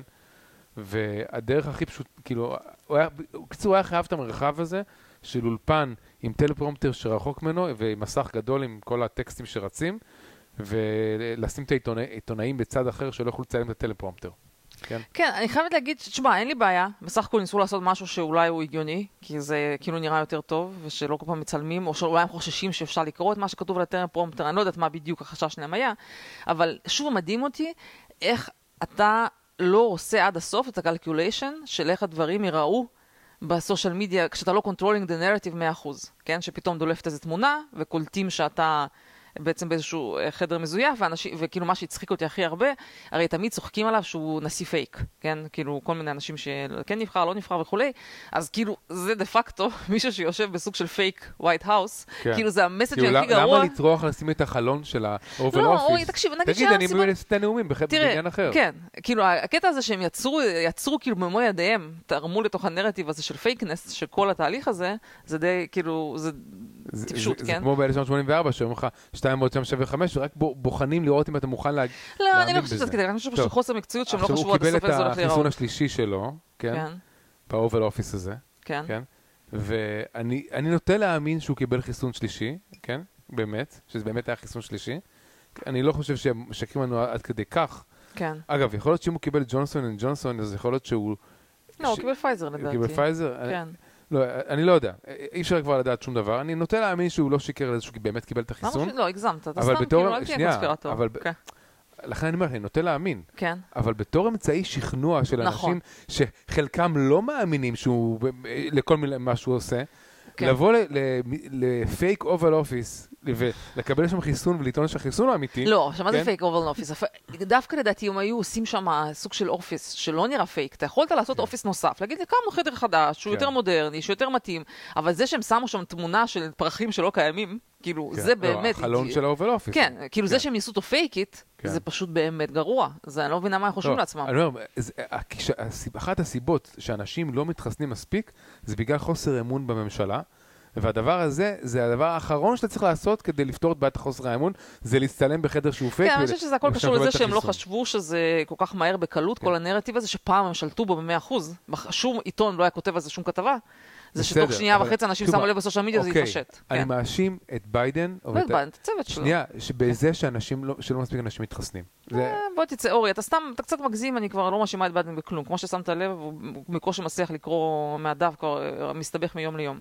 טוב. אה, אה, מילה אחת אוקיי. אני רוצה להגיד, היה הרבה, גם קצת לגבי התהליך ההיסטורי הזה שארה"ב עובדת, אה, עוברת, אז באמת בנושא הזה של אקוויטי, של שהרבה מאוד, שמערכת החינוך כמובן הרבה פעמים מבטאת את השינוי התרבותי שהמדינה עוברת. ומה שעכשיו אה, דיברו הרבה על זה שניו יורק ביטלה תוכניות של Gifted and Talented לילדים, מדובר כרגע לילדים קטנים, ב, והטיעון הרשמי שלהם היה שזה קשור לזה שזה לא, equit, זה לא equitable, לא שוויוני, מכיוון שעשו בדיקה של אה, מבחינת אה, racial, לא יודעת איך זה נקרא, כאילו... איך- אין, אין, יש יותר מדי אסיאתים לבנים, בלבנים. יותר אסיאתים בלבנים, זה. לא פרופורציונלי כאילו לא- לאוכלוסייה. אז אמרו, אם זה לא פרופורציונלי, אז עדיף לנו לבטל את זה, ויש לזה כמובן הרבה מאוד backlash דווקא מאנשים שהם כאילו, לא יודעת מה, אה, פה בעמק הסיליקון וזה, אנש, הרבה אנשים נכנסו בזה ואמרו שזה טעות לעשות ככה. עכשיו, אני כן רגע רק אגיד אה, במילה אחת כדי לא להיות מוטט לצד אחד, אנשים אמרו, אה, שהסיבה שביטלו את זה, זו סיבה טובה, שכל התוכניות האלה של מגיל קטן, מגיל ארבע, לשלוח ילדים לתוכניות של gifted, זה לא כזה הגיוני, לעשות להם מבחנים, כאילו כל הקונספט הזה הוא לא נכון, שאני לא מתווכחת עם זה, יכול להיות שזה באמת לא נכון, אבל הסיבה שביטלו את זה, זה לא בגלל זה. הסיבה הרשמית שלהם הייתה equity. הסיבה שביטלו זה שהם לא, זה לא מספיק יצא שוויוני. ואנשים, כאילו, פשוט באמת מזועזעים ממה שקורה. אני מדברת איתך, כאילו, כל, הבועה שלי זה בועת טוויטר. אני אומרת מה שכותבים בטוויטר, וזה לא אנשים שהם, זה לא טראמפ, כן? זה כל מיני אנשים מכל קצוות הקשת הפוליטית. אריק ויינשטיין כותב, I'm watching on our national suicide, which I am powerless to stop or even slow for reasons that I simply cannot fathom. fathom. Perhaps I have just outlived my time. I cannot recognize this world uh, bent on man- madness and self-harm to aid the communist superpower rival rising in the east. הם אומרים, הוא חושב, אומר, אתם חושבים שסין היא מבטלת את תוכניות ה gifted and talented שלה, היא לא דוחפת competency? כל הקטע הזה של להגיד, וזה קצת חוזר למה שדיברתי עליו בהתחלה, של אנחנו, equity יותר חשוב לנו. זה כאילו מערכת החינוך שלנו, הפוקוס שלנו זה לא לגדל תלמידים מצ... מצוינים, מצטיינים, זה לא לזהות את המוכשרים, זה לא לתת לכל אחד להצליח בהתאם ל... ליכולת שלו, זה כן? לא, לא להוציא את להכיר המקסימום. בזה שיש אינדיבידואליזם. לא, ש- לא להוציא את המקסימום מכל אחד בהתאם ליכולתיו. ויכול להיות שיש אחד שהוא הוא לא מתמטיקאי גאון, אבל הוא כן, לא יודעת, רקדן גאון. כל אחד הוא כאילו טוב במשהו אחר.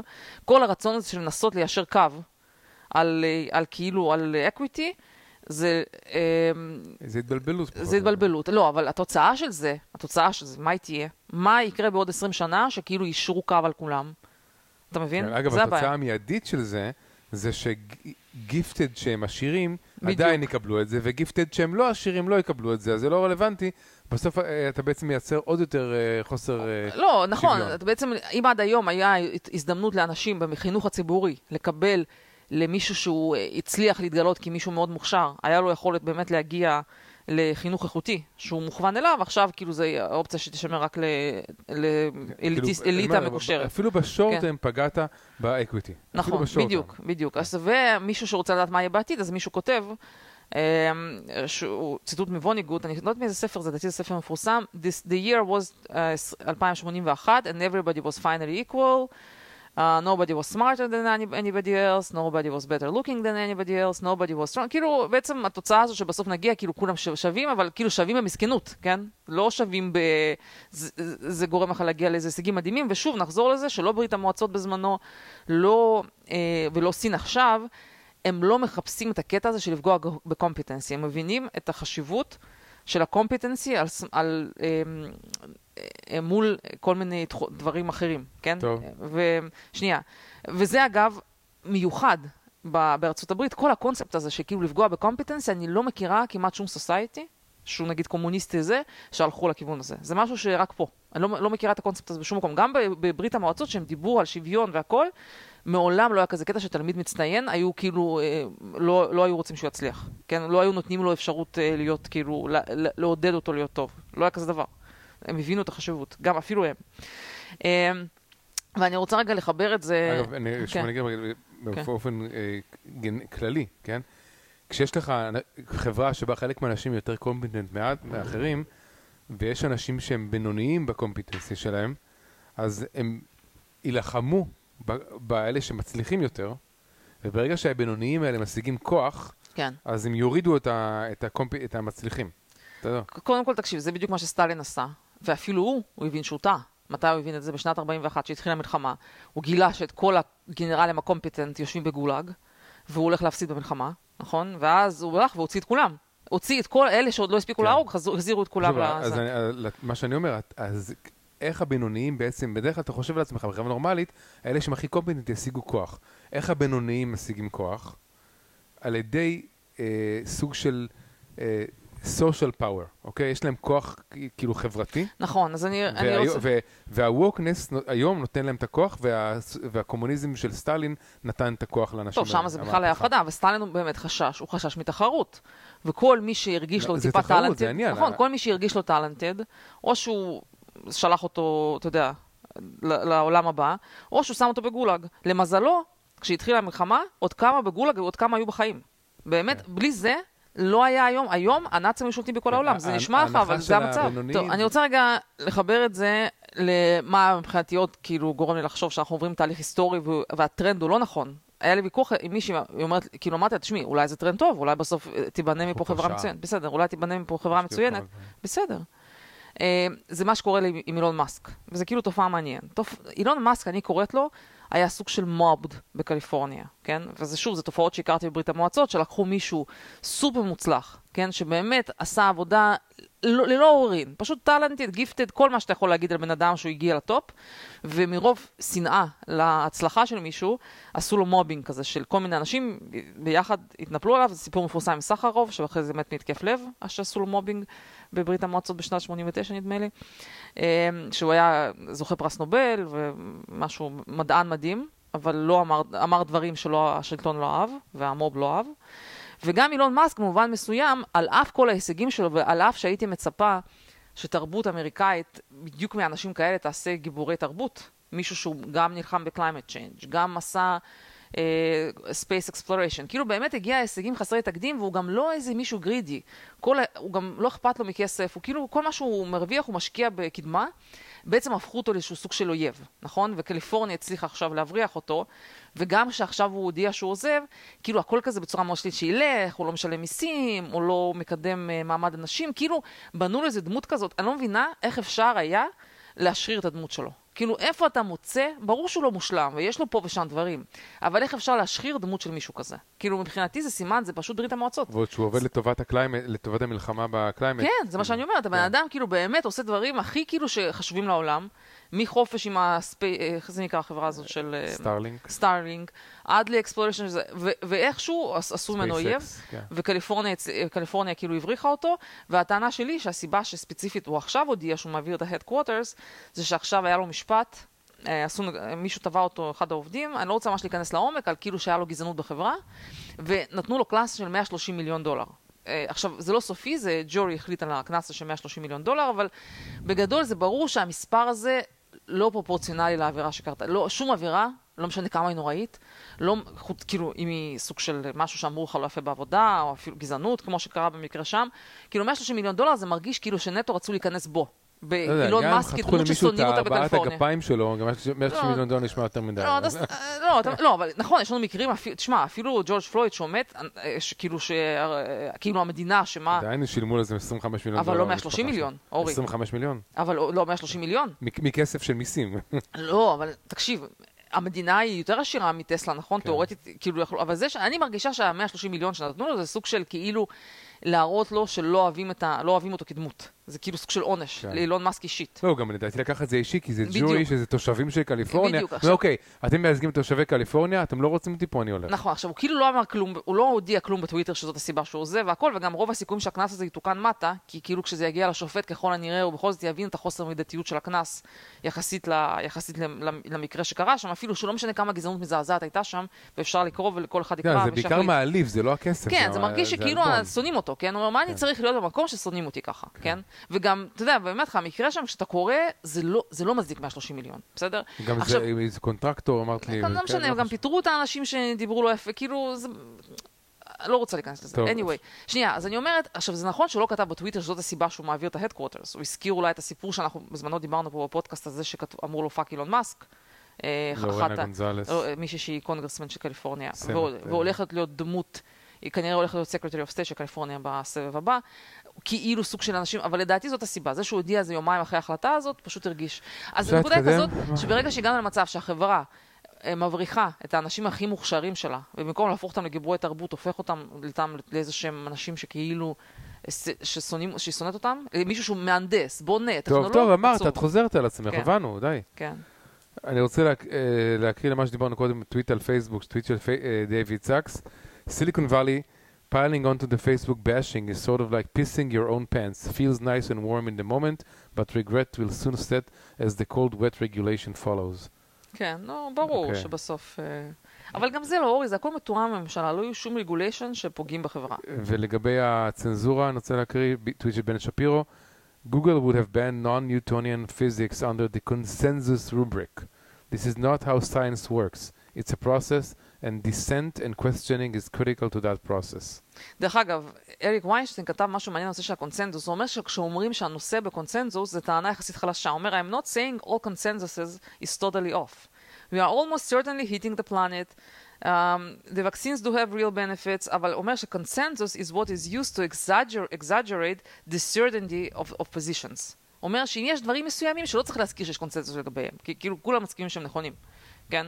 אבל אני אומר שהשימוש ב, הניס... השימוש במילה קונצנזוס, זה הרבה פעמים בא כאילו להתגבר על, על חולשה מסוימת שיש לטענה, וזה בסדר להביע עמדות נגד הקונצנזוס. קונצנזוס זה לא אקסיומה.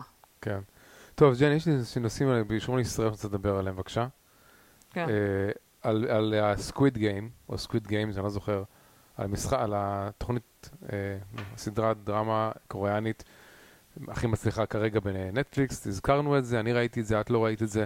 אני לא, לא רוצה לספר יותר מדי והכל, אבל קצת אה, חרה לי שאחד האנשים היותר אינטליגנטים בארץ, אה, שעושה אה, אה, ביקורת טלוויזיה, אה, גיא לייבה, בדרך כלל הוא בסדר, אז הוא כאילו נורא תפס את המשחק הזה, את הסדרה הזאת, כמו עוד איזה טמטום סאחי שממשיך את uh, בית הנייר, את מאני uh, הייסט, הספרדי. כאילו לא הבין את האומנות שבסדרה? אה, הוא טוען שאנשים שנורא מתלהבים, כאילו היה סוג של אנשים כאלה קצת דבילים, שנורא התלהבו מבית הנייר, והנה זאת שוב פעם אותם אנשים אה, מתלהבים ממשחקי הדיונון, ונורא כיף להם לראות איזו סדרה ש, שכאילו משחקת עם הרגשות שלהם בצורה כזו או אחרת, אה, או נראית כאילו שהיא מותחת, והוא די זלזל באנשים, והוא אומר ש... והוא גורם לך לחשוב אם אתה לא מסכים איתו, אולי בגלל שאתה נעלבת. כל אלה שלא מסכימים איתי על מה שכתבתי על משחקי הדיונון, הם כנראה נעלבו שקראתי להם שהם טמבלים, שהם, אה, שהם סתם אוטומטית אהבו את הסדרה, כאילו, אז אני... בקונטקסט הזה, שיכול להיות שאני מטומטם והוא צדק לגביי, כן, וגם אני כן. אהבתי את הסדרה סתם, אני עדיין רוצה לענות, ואני חושב ש... ה- מה ששונה בזה, זה בסדרה הזאת, שיש הרבה מאוד סיטואציות שבהן אנשים עומדים בפני החלטות של חיים ומוות, והיא מביאה בצורה מאוד קיצונית את, ה, את הטבע האנושי.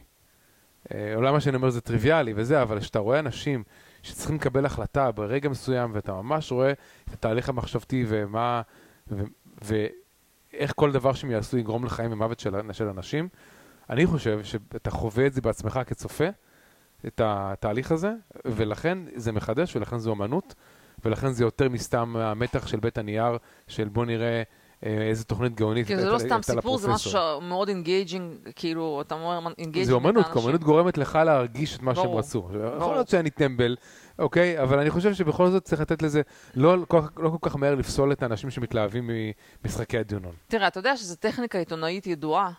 לעשות דעה שהיא סוג של controversial או סוג של מעצבנת, כדי דווקא להגדיל engagement. הרבה פעמים עושים את זה לפחות ברמת הכותרת.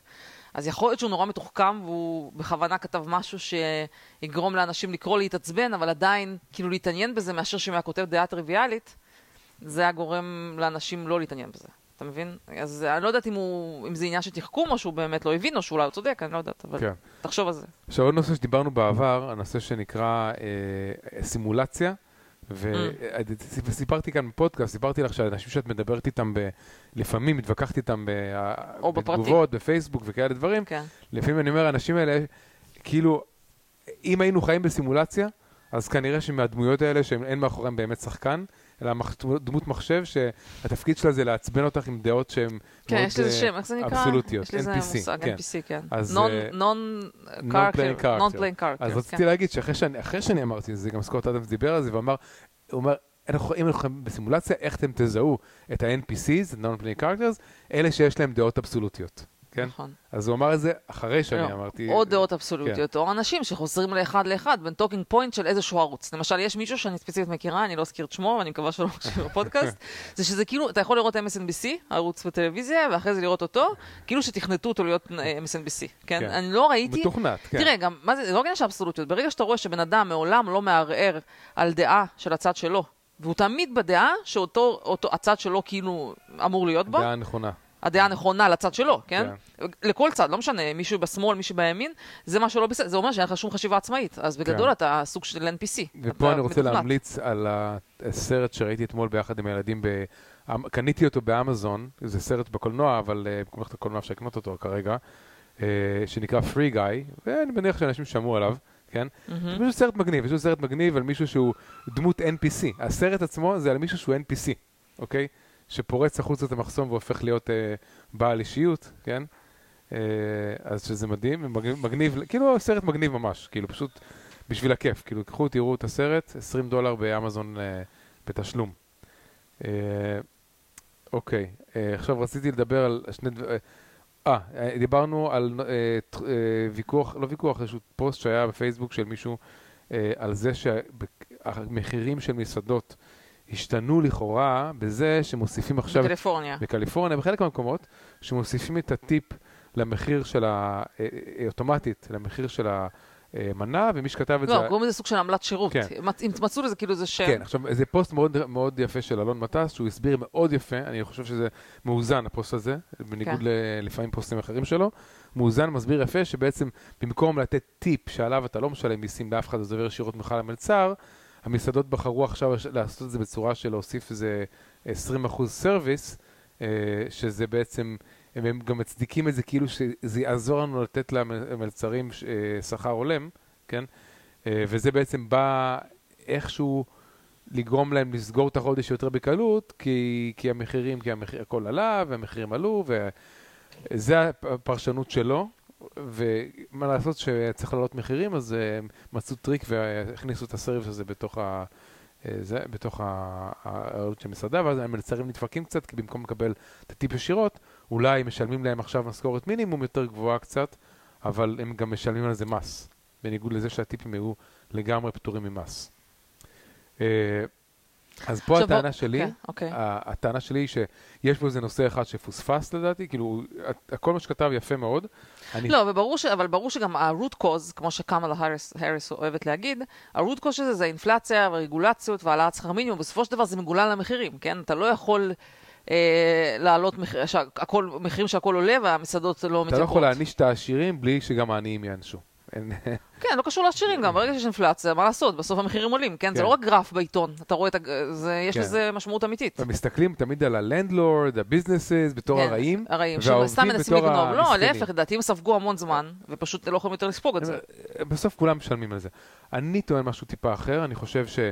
מה שקרה כרגע זה שבגלל הפנדמיק אה, יש הרבה יותר, אה, נכנס לתודעה הנושא של הזמנת אוכל pickup ו-delivery, ובעלי המסעדות אמרו, אם אני אעלה את המחיר, נגיד אני אעשה העלאה רגילה של המחיר במסעדה, אז גם המחירים של ה-menu ה-online שלי, יצטרך, אני צריך כאילו להשוות את המחירים, ואז יהיה פחות אטרקטיבי לאנשים שבאים לקנות נגיד מ-Uber Eats מ-DoorDash.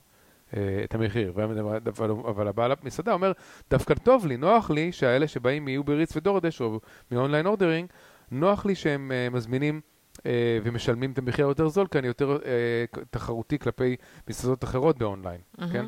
אז מה שהם ניסו לעשות כאן, זה הפרשנות שלי, זה להשאיר את המחירים של ה-online זולים יותר, את המחירים של ה...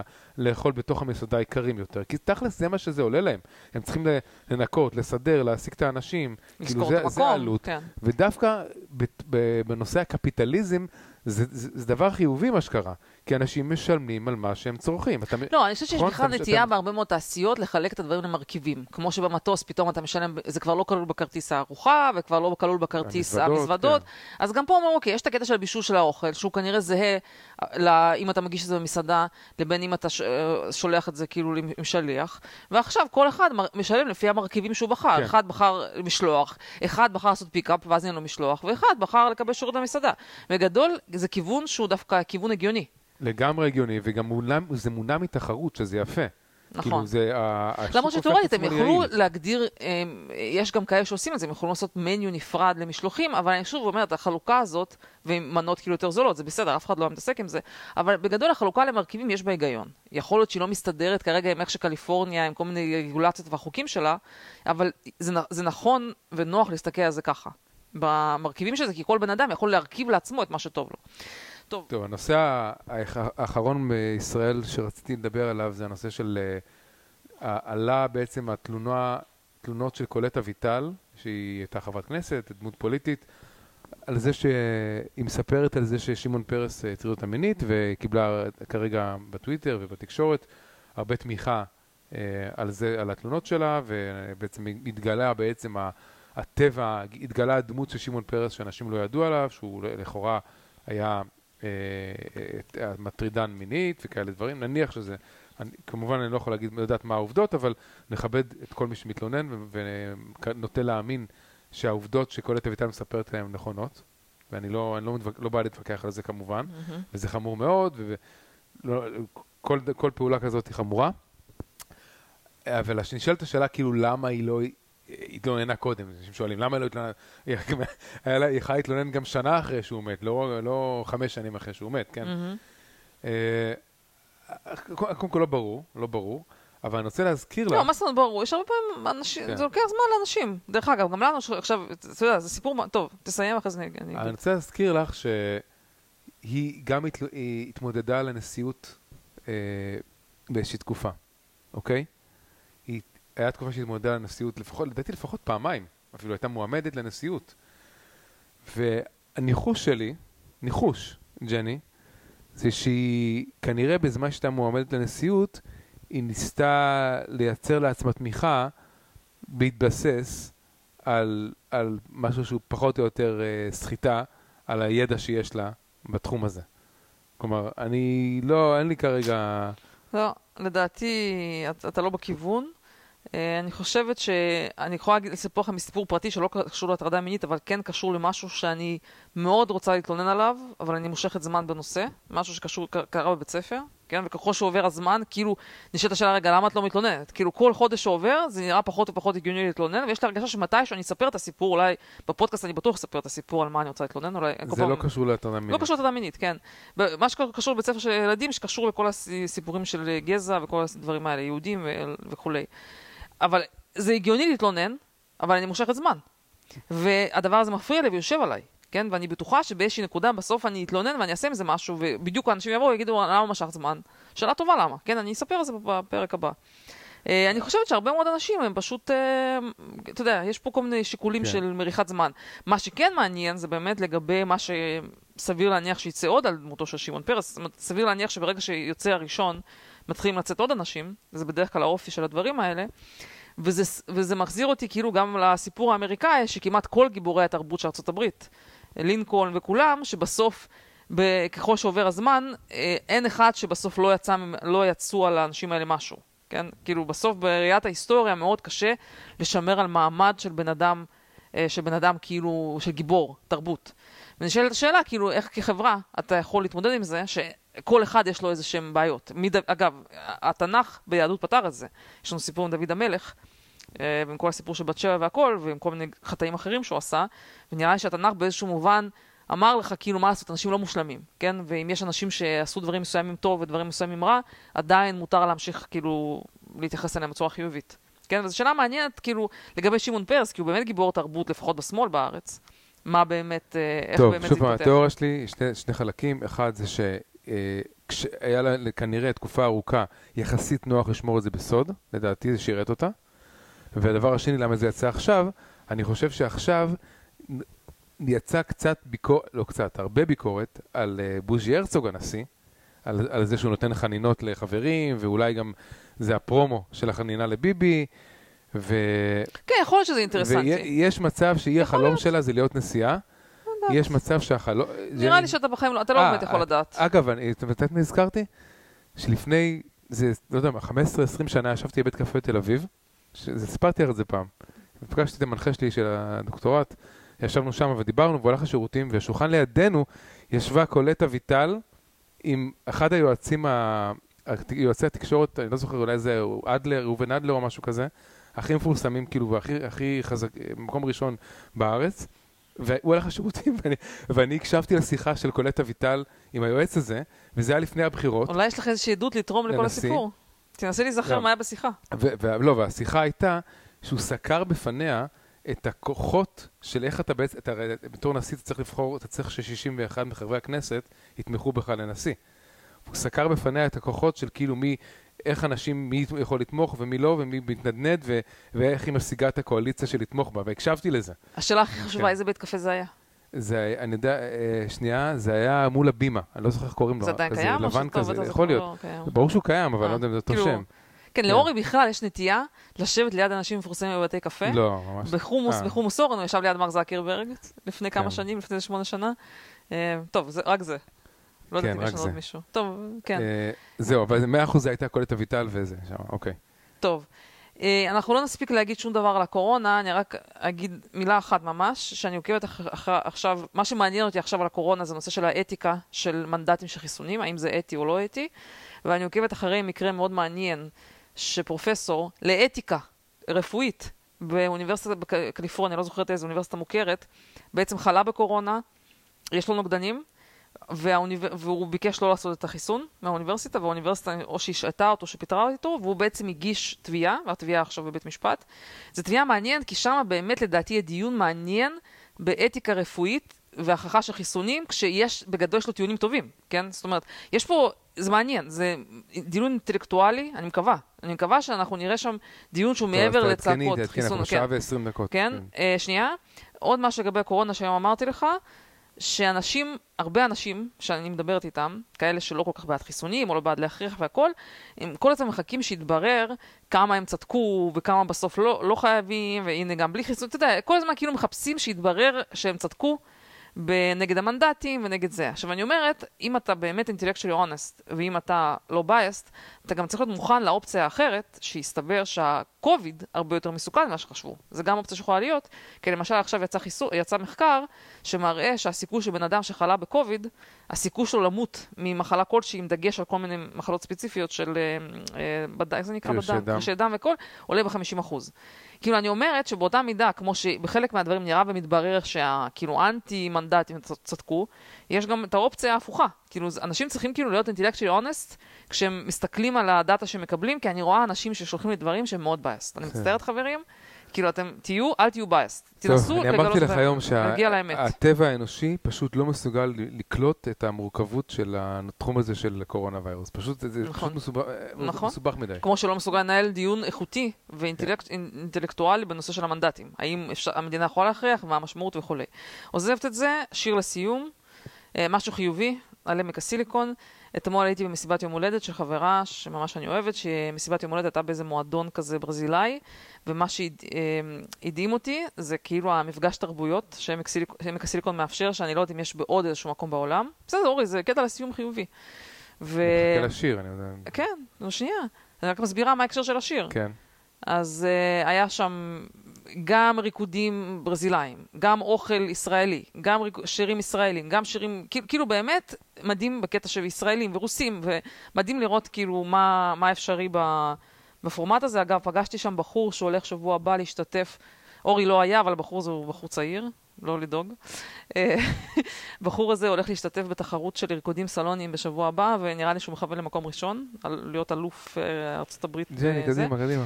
אז השיר שרציתי לשים לסיום זה שהחברה הזאת היה לה יום הולדת, ורציתי לשים לה שיר, שיר של ברכה ליום הולדת. שיר ברוסית? מה זה? שיר ברוסית, מגניב. אז שיר טוב, כן. כן, שיר טוב, אז אני רוצה... אני לא יודעת אם היא מקשיבה, אולי על מישהו שהיה במסיבה שרוצה לאחל לה מזל, היא באמת... לא, לא קשור, זה פשוט שיר טוב. היא באמת אחלה. אני לא מבין מה אומרים שם, אבל... היא באמת אחלה, ואני רוצה... מי הזמרת? אין לי מושג. מה אני מושג? את מפעילה את זה מיוטיוב. מה? מה כתוב מי הזמרת? שנייה. אז מזל טוב, חברה יקרה. היה אחלה מסיבה. היא אז אומרת. קטירינה משהו, קרסילניקова.